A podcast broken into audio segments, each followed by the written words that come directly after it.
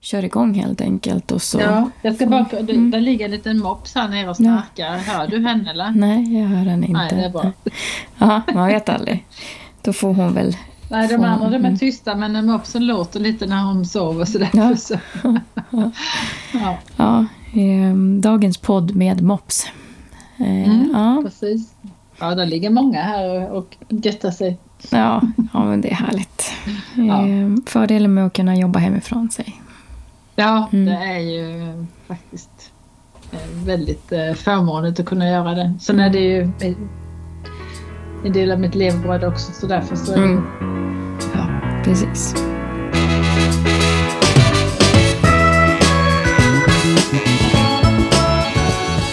Hela Sverige pratar. Programledare Therese Bengard. Dagens gäst Mette Adolfsson.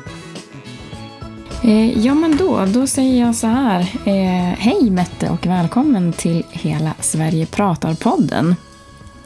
Det här är en serie som vi gör när vi kommer att prata med våra vinnare för Årets kommun, Årets lokala utvecklingsgrupp och Årets landsbygdsutvecklare.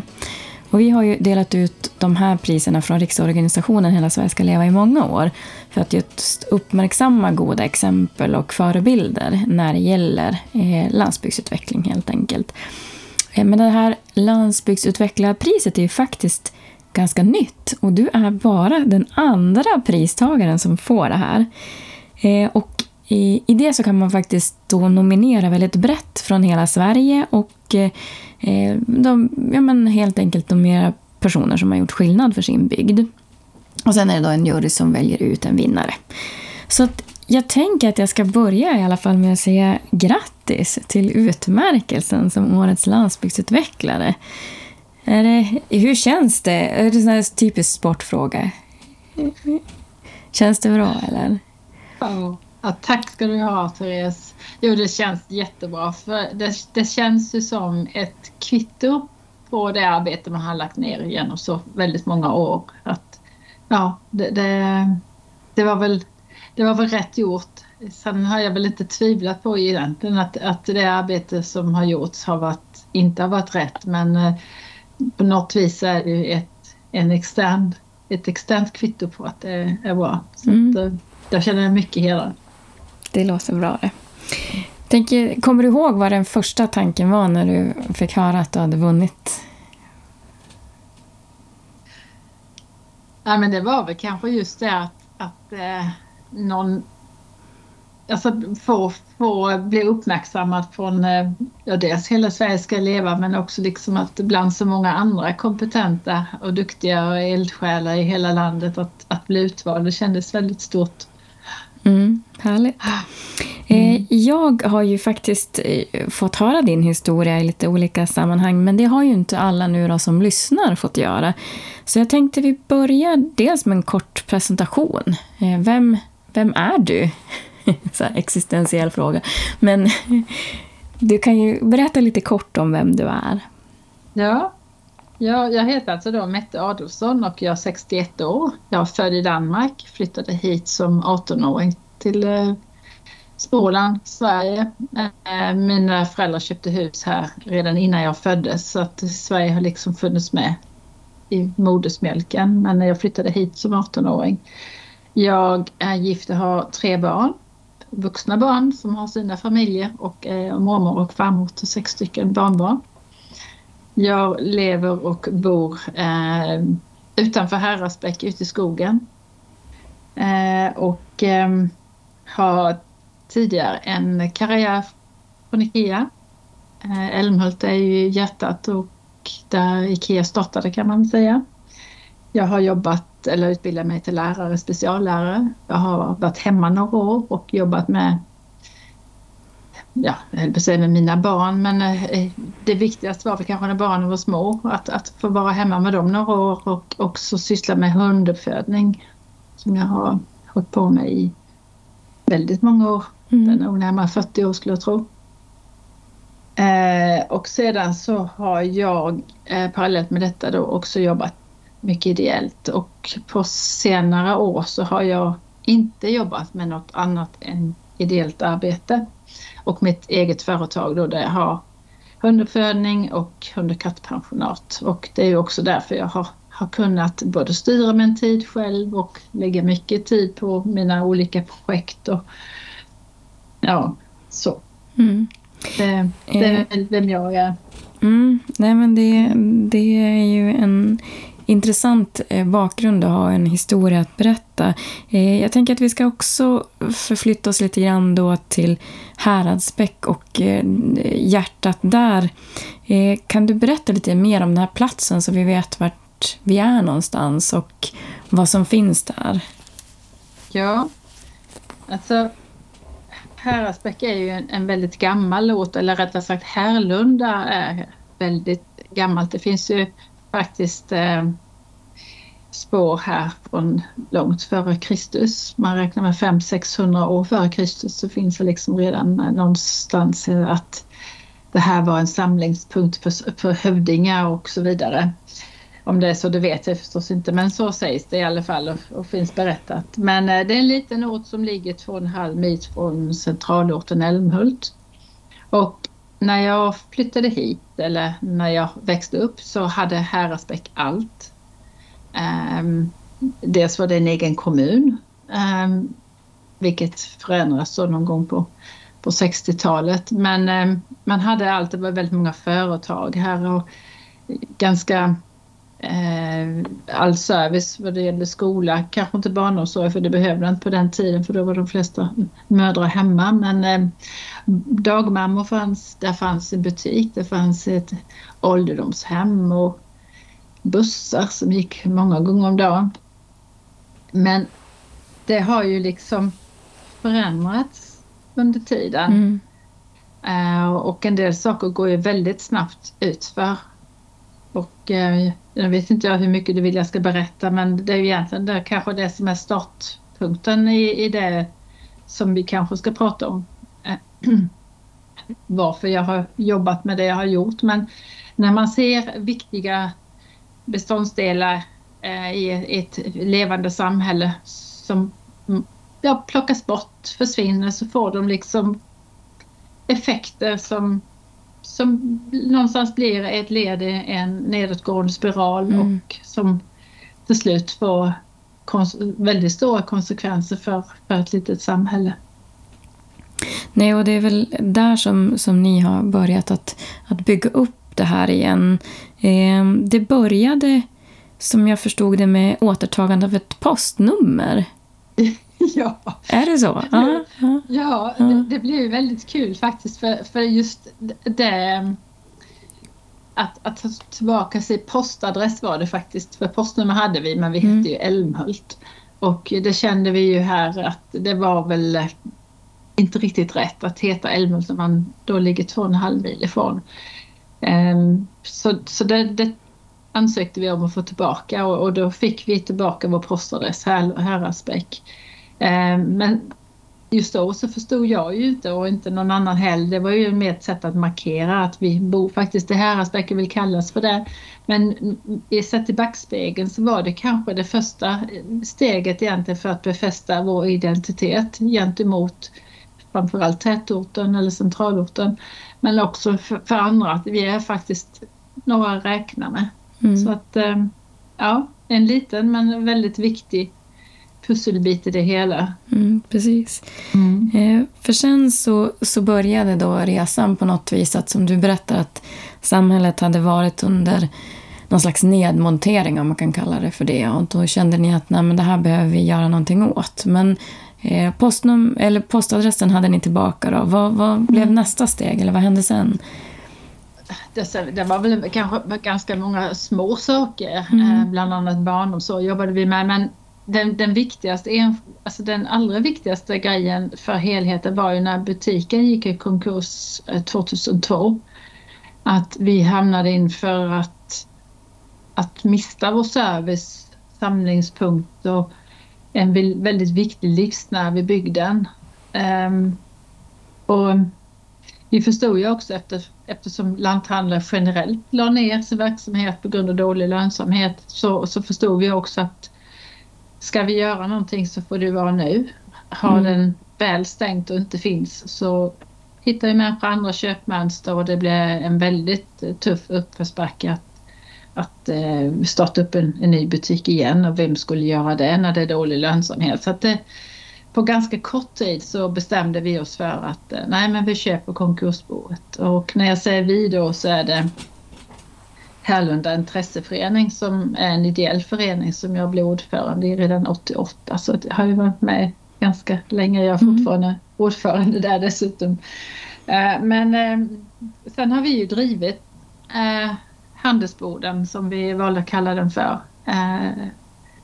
under alla år. Så att, mm. Ehm, och det, det, har varit en, en, en, ganska guppig resa får man säga för att det är ingen ehm, dans på rosor att driva en lanthandel. Ehm, tyvärr. Det är usla villkor från grossisterna, bristande förståelse från kommun och länsstyrelse och någonstans landar ansvaret för lanthandeln i plånböckerna hos de som bor i bygden. Mm, mm. Och det har blivit extra tydligt nu känner jag när, när allting är dyrt. Då blir ju en lanthandel extra utsatt då, därför att då blir det ännu dyrare här. Mm. Och där, där finns liksom ingen önskan hos grossisterna som skulle kunna eh, ändå förbättra förutsättningarna för för lanthandeln att um, de tjänar inte pengar. De tjänar inte tillräckligt mycket pengar på en lanthandel. Så det, det, är en ganska tuff kamp. Men samtidigt så är det också det som har genererat hela det vi har lyckats bygga upp kring Mötesplats Häradsbäck istället. Mm. För, för den här lanthandeln, eller handelsboden, blev ju ett slags nav i det utvecklingsarbete som ni, som ni sen, sedan ja, 00-talet faktiskt har hållit på med. Eh, mm. Eh, och eh, då blir man lite nyfiken på vad hände? För som jag förstår det så har ni gjort, eller jag vet ju att ni har gjort massor av fler saker. Vad, du pratar om den här mötesplatsen. Vad, vad mer har ni utvecklat nu då i Häradsbäck? Ja, alltså någonstans eh, 2016-17 så, så hamnade vi faktiskt i en situation där vi, vi ansåg att vi fick välja om vi faktiskt ville ge upp eh, handelsboden eller om vi ville fortsätta satsa. Vi har stoppat in väldigt mycket egna pengar och oändligt mycket arbete i det här. Mm. Vi har ju då haft anställda som har jobbat men vi som har suttit i styrelsen har jobbat extremt mycket och som sagt stoppat in väldigt mycket egna pengar. Och det är någonstans så kanske man kommer till en gräns man tycker att nej, nu så. Men då bestämde vi att, att fortfarande så är handelsboden så viktig för bygden.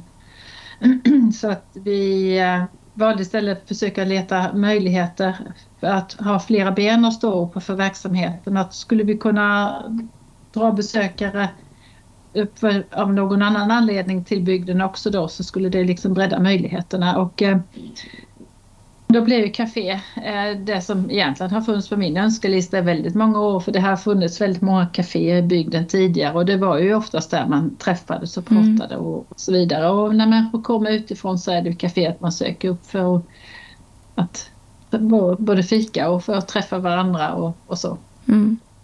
Så då eh, byggde vi faktiskt ut handelsboden med ett café.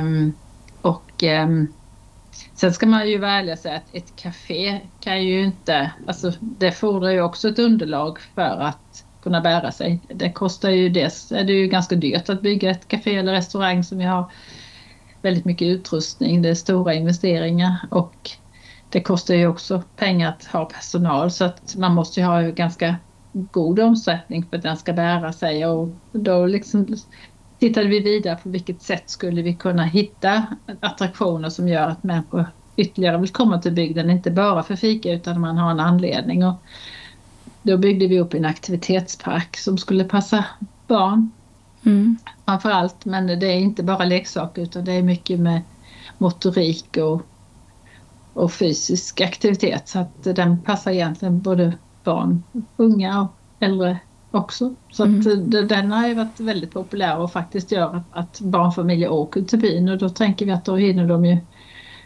både fika och leka och handla också. Precis, så att en och, besöksanledning så att... Ja, ja. precis. Mm. Sen har vi vidare sen byggt ut med en aktivitetshall där vi har väldigt mycket eh, andra grejer.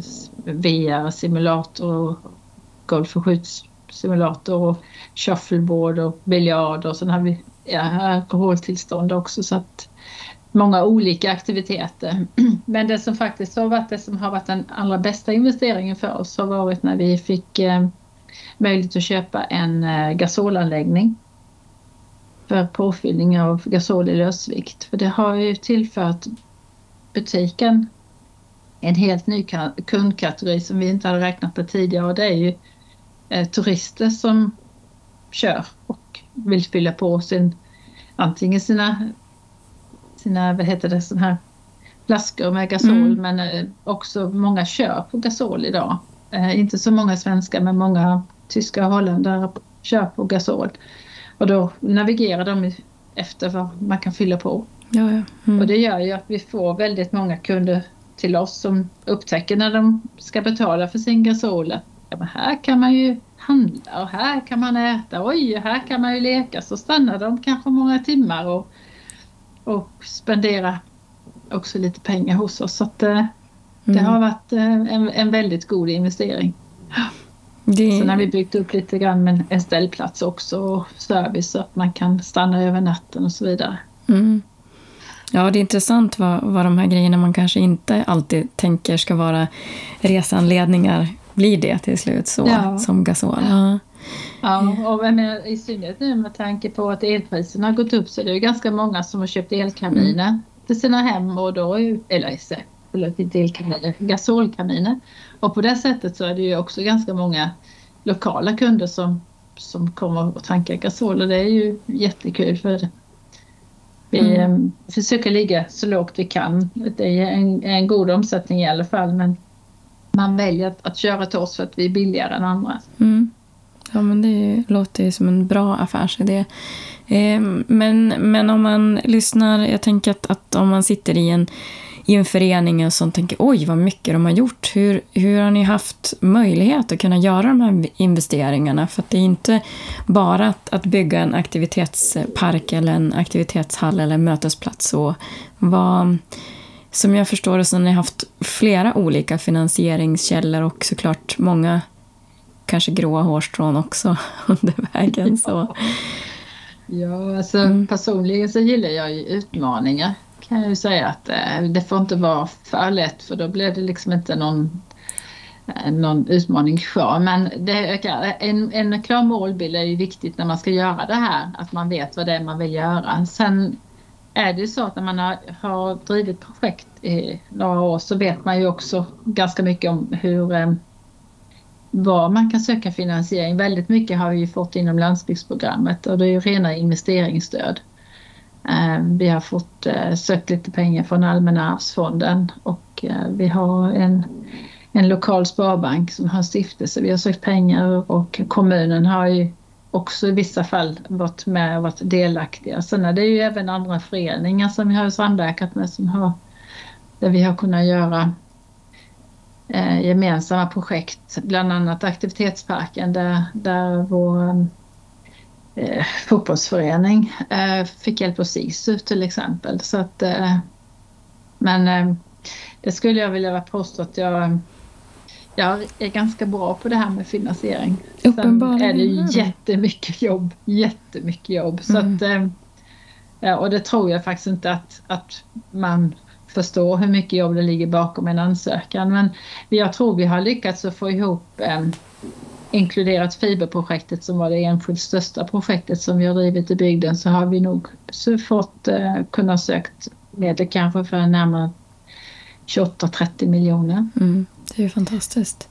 Ja, sen mm. har jag ju och det har jag ju straffat mig själv. Jag har ju inte varit så bra på att söka pengar som har kunnat finansiera mitt eget arbete utan det har ju varit investeringar. Um, men, men tack vare att jag har, har kunnat um, Eh, kombinera det med min egen verksamhet så har det ju funkat. Mm. Det har det. Men, mm. Ja, nej. det är mycket tid. Ja, nej men det förstår jag. Eh, det är svårt också, men jag tänker, har du något slags eh, tips eller annat till, till de som eh, tänker sig att ja, men vi skulle kunna tänka oss att göra någonting? Är det någonting som du... För du har ju väldigt lång erfarenhet och uppenbarligen är ändå framgångsrik eh, och såklart har lagt väldigt mycket tid i det också. Men är det någonting som du sa, ja men det här skulle jag vilja vetat innan jag började? Ja, jo, det, så kan det vara. Det finns också saker som jag inte skulle vilja veta innan mm. för då hade jag kanske inte gett mig på det. Men eh, om man säger att någonstans så måste det ju vara eh, kommersiellt det man ska göra också därför att det måste ju finnas en drivkraft att fortsätta. Det är ju inte bara själva investeringen, det är en viktig del men det är ju inte bara det utan det måste ju finnas någon som kan driva investeringen framåt. Eh, och det är viktigt att man ser till att, att man har människor med sig tidigt som förstår den skillnaden att en sak är att bygga upp och något annat är att driva. Ehm, jag är ju en väldigt bra projektledare och har väldigt många goda idéer men jag är ingen driftare, det måste jag känna. Även om jag känner varmt för det vi har så är jag ju inte någon som eh, är jättebra på att leda personal eller se. Alltså jag, jag är mer en, en jag är en mm. änden. Jag, jag jobbar framåt och sen får man ju se till att man har en organisation som som kan, är bra på de andra sakerna. För jag menar, bygga upp någonting som sen eh, kan bära sig, det, det, är ju, det är ju faktiskt misslyckande. Mm. För då har man ju slösat både sin, sin egen tid och andras resurser och också skapas förhoppningar som inte kan infrias.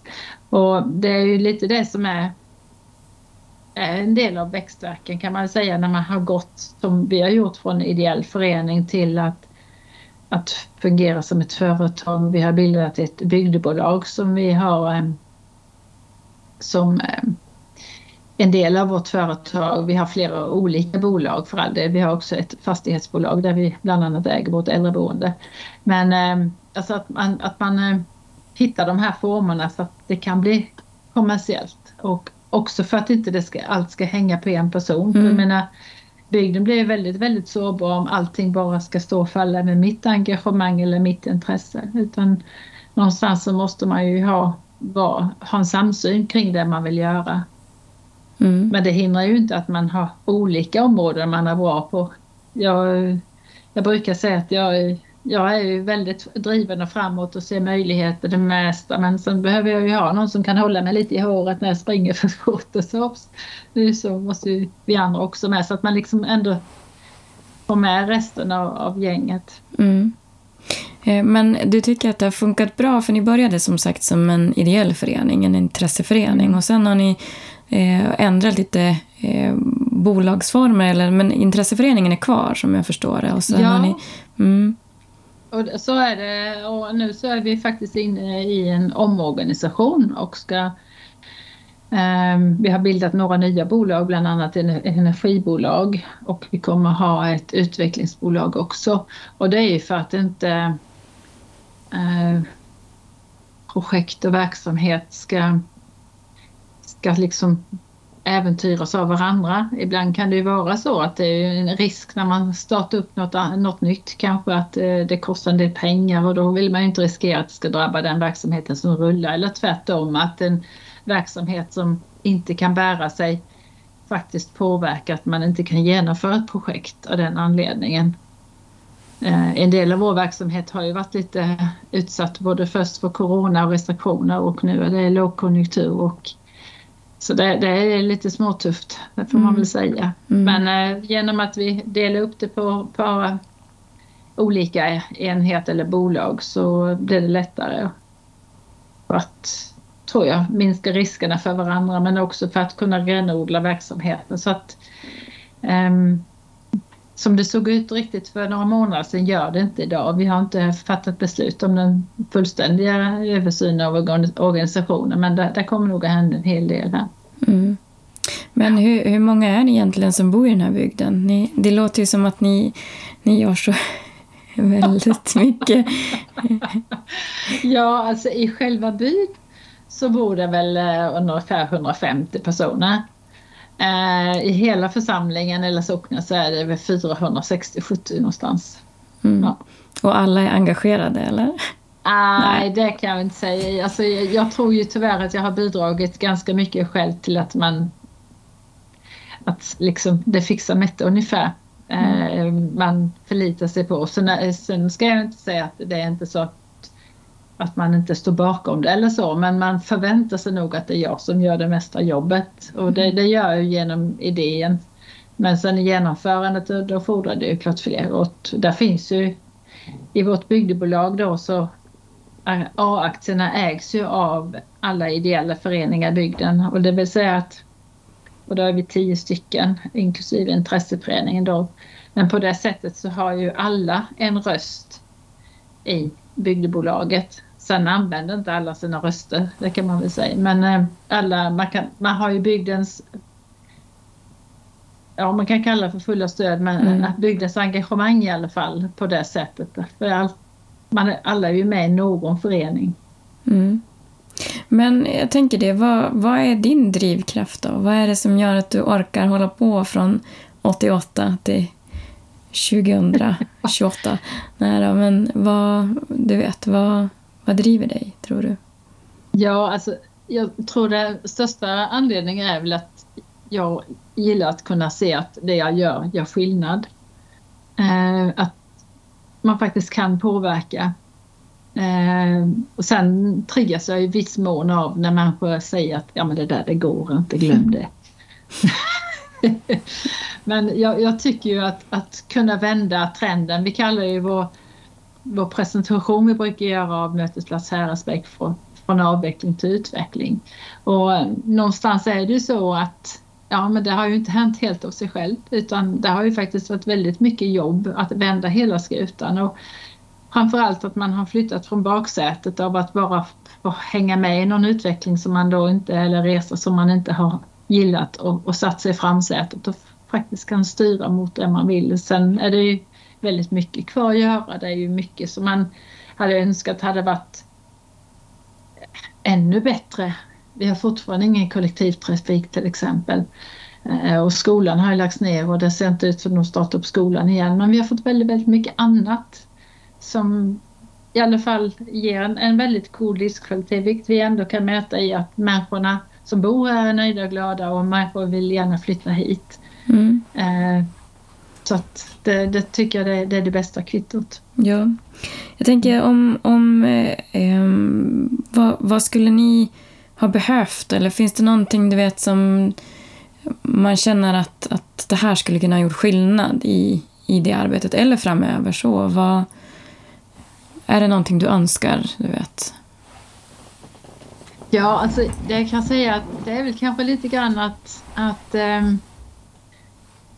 jag har alltid haft ett väldigt bra samarbete med våra politiker och hållit dem informerade om olika saker. Men eh, politikerna är ju valda Eh, det är ju inte tjänstemännen eh, som jobbar på kommunen och tjänstemännens olikheter kan ibland vara en utmaning. Att man inte riktigt får dem med sig. De kanske inte lägger fram det på ett sätt eller tar emot. Och så, ja, lite så kan jag väl tycka att, att kommunen skulle vara lite mer lyhörd. Vi har ingen landsbygdsutvecklare i Älmhults kommun till exempel. Har man en landsbygdsutvecklare i sin kommun så är det ju en, en tjänst människor som tar tillvara landsbygdens intresse i kommunen och för fram dem i olika sammanhang också. Och jag tänker att Ronneby som blir årets kommun, de har ju varit jätteduktiga på att alltid föra in landsbygdsperspektiv i kommunens politik eller planer. Mm. Eh, och det, det, har vi saknat och det, jag hoppas att det ser väldigt annorlunda ut på andra ställen. Men det jag själv har har haft nytta av kan jag väl säga när det har gällt utveckling så är det ju faktiskt att se hur andra har gjort, att få inspiration. Mm. Och i vår um, utvecklingsplan så ligger det just det att vara pilotby. Att kunna berätta för andra vad vi har gjort. Inte för att man vi egentligen tycker att man ska kopiera för det tycker jag inte man kan göra. Vi har en hel del förutsättningar som Ehm, passar väldigt bra ihop med det vi gör. Men mm. på andra ställen så kan det vara helt andra förutsättningar. Så att man liksom tittar på vad, är, vad har platsen för, för eh, förutsättningar mm. för olika saker. Alltså, har vi en, en vacker sjö eller vacker miljö eller det, ja, vad det nu kan vara för någonting. Att man liksom utgår från sina styrkor eh, och bygger på dem och ser på vilket sätt det passar in i sammanhanget och, och söker stöd. Så goda exempel har för mig varit jätteviktiga och sen plockar man ju lite här och lite där och så vidare och man, man mixar ihop sin egen, sin egen mm. Eh, nya verklighet. Mm. Sen blir ju människor som jobbar med landsbygdsutveckling ju också bra på att, att nätverka och hitta varandra. Jag tänker den här podden som, som du har är också ett jätteviktigt sätt att nå ut och, och visa på goda exempel. Jag har ju själv varit verksam och sitter fortfarande i valberedning Hela Sverige ska leva. Jag eh, sitter i styrelsen i Companion i Companion Kronoberg och har på det sättet också ett nätverk och vi jobbar väldigt nära i båda organisationerna. Och det är ju en styrka i många sammanhang mm. att ha med de här olika nätverken också. Mm. Man, ja. Nej men det är det, nätverksbyggande är jättemycket och som du säger också ändå hitta inspiration från andra är ju eh, del. Och det, det gör ju verkligen ni också, inspirerar, hoppas jag, andra att se att det faktiskt går. Även fast det inte alltid är en, en dans på rosor så, så, så funkar det ju faktiskt. Ja.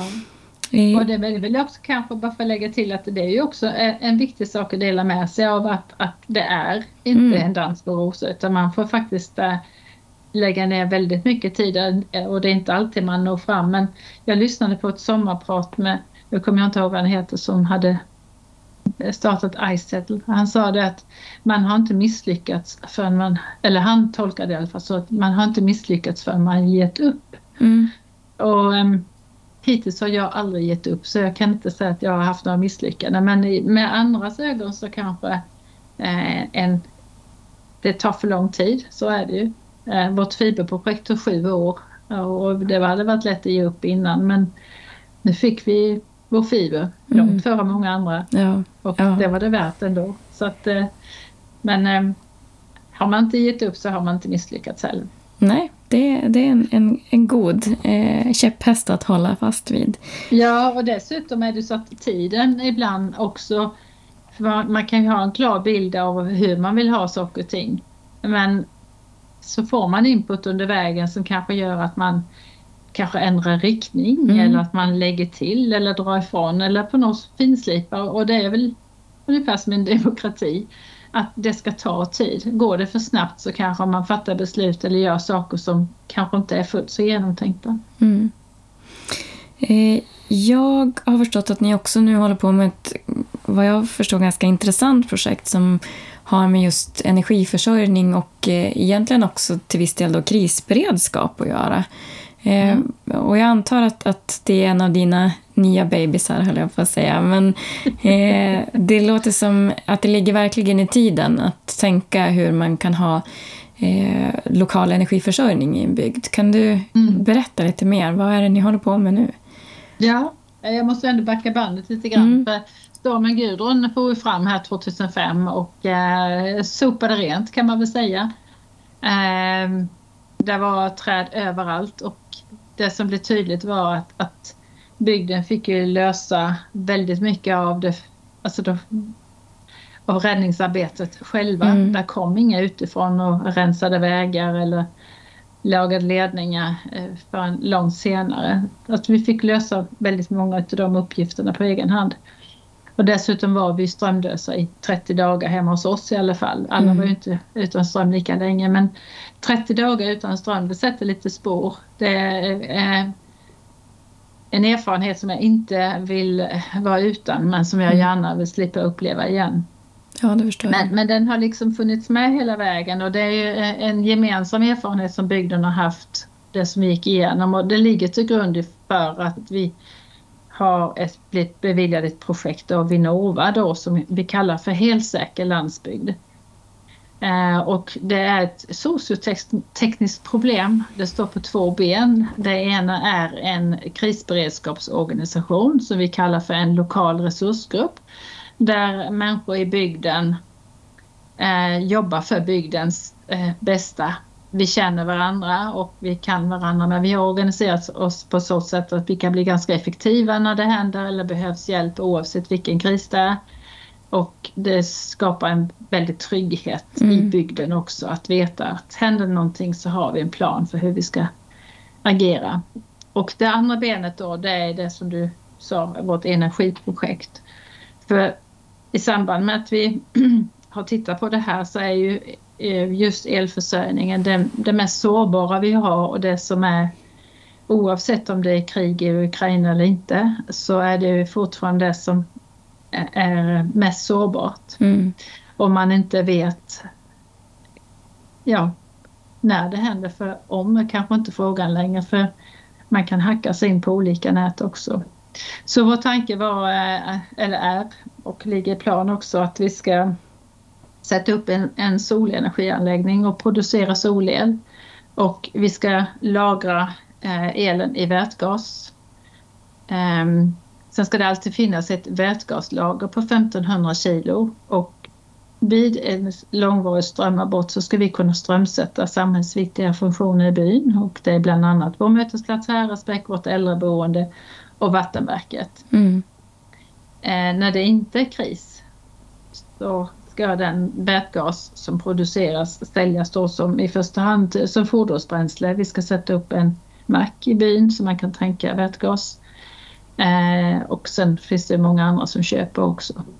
Men det projektet egentligen går ut på, för det här nu pratar vi häraspekt, det är ju att vi ska bygga en modell eh, för landsbygder. Så mm. att vi ska sätta upp det här som en pilot hos oss och sen ska det då ut i Sverige och i världen. Jag ska faktiskt få åka till Paris och prata om det här ja. i, på en stor konferens. Mm. Därför att det, dels är det ju en energigemenskap men just det här med, med ehm, Eh, krisberedskapen i energilösningen gör den ganska unik. Eh, vi har Linnéuniversitetet som är en projektpart utöver Hela Sverige ska leva-kampanjen. Men vi har ju ganska många intressenter, både stora teknikföretag och eh, en del andra spännande mm. producenter av olika slag. Så att jag tror att det här skulle kunna bli, för den lösning vi har är ju att landsbygden blir, den blir till stor del kanske självförsörjande mm. och den blir inte lika sårbar heller. För när man tittar på vad som händer i Ukraina när ryssarna slår ut infrastrukturen så, så är det väldigt stora eh, områden som slås ut. Eh, här har man ju säkrat upp då att man kan en strömförsörjning även om det stora elnätet inte fungerar. Mm. Mm. Nej, det är ett, verkligen ett, ett jättespännande projekt ni håller på med och som du säger att det skulle vara dels eh, jättebra också att dela de här erfarenheterna med andra så att man ser att det är dels vad som går och inte och sådär. Så.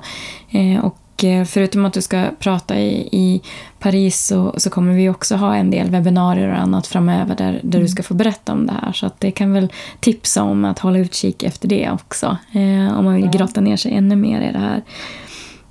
Eh, det, det känns generellt sett som att ni har utifrån olika typer av kriser egentligen eller saker som kanske inte är det bästa som har hänt i, vänt det till att just skapa utveckling och möjligheter och, och eh, så vidare. Upplever du också att det finns en annan typ av framtidstro i er bygd nu? Eller hur, hur har mentaliteten förändrats under den här perioden? Jo, men det, det, tror jag faktiskt att vi har gjort. Fakt, för det, det, har ju, som jag sa innan, så jag triggas ju av människor som säger att det, där, det går inte mm. glöm det. Men eh, efterhand som vi ändå har lyckats så är det ju många som har sagt att ja, vet du, jag trodde faktiskt inte att det här skulle vara möjligt men det har det ju faktiskt varit och jag vill ju bara liksom ge en eloge för det. Framförallt var det en, en, eh, en som ringde till mig en, en torsdag morgon klockan sju Hörru Mette, sa han, det där med kaféet det tyckte jag var rena vansinnet. Men en sak ska du veta, det är det bästa som har hänt i Härlöda på de sista hundra åren. Mm. Och då ringer man och säger en torsdagmorgon och för mig, för mig så blir det ändå, då är det någon som verkligen har funderat och ville säga att jag hade fel och du hade rätt. Och det, det gläder mig så otroligt mycket och jag, jag, vet att det är så. Men jag känner också att det, är, det har ju liksom givit en, en en livskraft i bygden att man tror att, eller man ser att det, det, finns en framtid och också med lite grann med de studiebesök som vi också har fått nu här eh, under hösten och så vidare så, så ja, oj, ja men då är det nog kanske väldigt speciellt. Det är lätt att man blir lite hemmablind och tror att alla har det som vi men eh, det förstår man ju också att så är det ju inte. Det, Nej. Nej, det, det kan jag nog garantera att, att så är det inte. Men det man hoppas på är ju att många kan just inspireras av det här.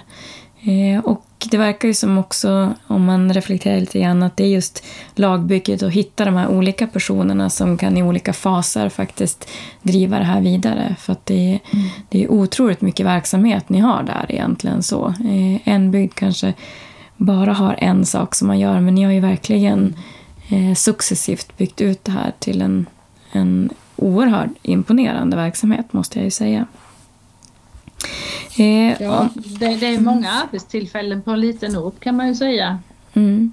Eh, och menar, hade, vi, hade vi fått betalt för vårt arbete som vi har lagt ideellt också så hade det varit dubbelt så många arbetstillfällen.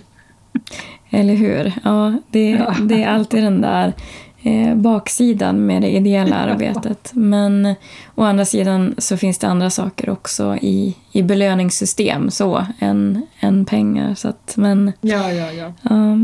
Men eh, någonting ändå framöver, om du skulle se att, för ni kommer ju att fortsätta att utveckla det här. Är det, är det någonting du skulle vilja att de nationella politikerna eller lokala eh, företrädarna eller andra du vet, finns det någonting som skulle kunna göra att det ändå underlättar lokalt utvecklingsarbete? Um. Men jag skulle vilja säga att, att framförallt kommunerna har ju ett väldigt stort ansvar i det här att ta, ta bygden på, på allvar. Och jag kan ju tycka att jag har ju ofta upplevt att, att, att det alltid är mitt initiativ och att för att vi ska få det bra i Häradsbäck, liksom att någonstans att man, man ber om någonting istället för att se att för kommunen, kommunens synpunkt så borde det vara tvärtom att de verkligen höjer det arbetet som görs därför att det gynnar ju framförallt den egna bygden också men hela kommunen att det finns en levande bygd. Och där känner jag väl inte alltid att man utan ibland så kan man ju till och med upp, oh, ringer hon nu igen, vad är det nu hon har på gång och sådär. Mm. alltså det, det, man, man har inte alltid eh, den förståelse för och det är klart att som kommun ska man ju se till alla, man kan inte bara se till en ort, så det förstår jag ju också. Men någonstans så är ju också en levande ort en förebild för de mm. andra orterna i bygden att ja men titta det går ju. Alla behöver ju inte ha en affär men man kan göra andra saker. Um, och där, där, kan jag tycka att i, i vår kommun så finns det lite önska. Mm. Mm. Det är ett väldigt eh, bra tips till tror jag, många kommuner runt om i Sverige att verkligen se och uppmuntra det arbete som görs och samarbeta snarare än kanske då vara lite skeptiska. Även fast du går igång på att få lite motstånd så kanske det i det här fallet skulle vara lite minskat så. Um, jag tänker att vi, ska, vi skulle kunna prata en timme till, så är det ju. Men eh, vi, tips, vi har lite cliffhangers nu då i den här eh, webbinariet och annat som vi ska sända om, mm. om folk. Och sen så har ni ju en jättebra hemsida och sådär så också man kan ta kontakt med er och läsa mer om ert arbete.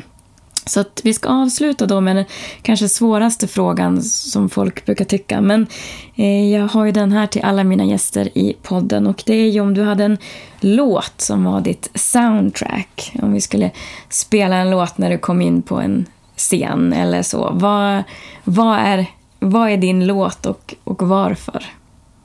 Ja, alltså jag har funderat fram och tillbaka. Jag har tittat på eh, eh, Peter Johansson eh, och hans tolkning av Queen.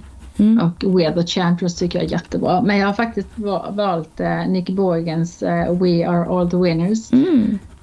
därför att jag tycker att vi är alla vinnare på, på det arbete som har gjorts. Inte bara jag och inte bara bygden utan även kommunen, länet och landet. Att, att liksom någonstans så är vi ju alla vinnare på det arbete som, som håller igång landsbygden. Mm. Så att eh, det får bli den. Ja, det är utmärkt val och lite så här, eh, nära hem också då med tanke på din bakgrund. Så, så ja. Att, ja. Eh, nej men strålande. Jag vill eh, rikta ett stort, stort tack till dig Mette. Det har varit jätteintressant att få ha dig som gäst i Hela Sverige pratar podden. Och eh, ni som lyssnar, om ni vill kommentera eller komplettera eller ställa några frågor så får ni jättegöra, jättegärna göra det. Vi heter ju Hela Sverige på alla våra plattformar. Men ni kan också mejla till podden att helasverige.se. Jag som programledare den här podden heter Therese Bengard och jag har även förmånen att programleda riksorganisationen Hela Sverige ska leva. Med det säger jag tack och på återhörande.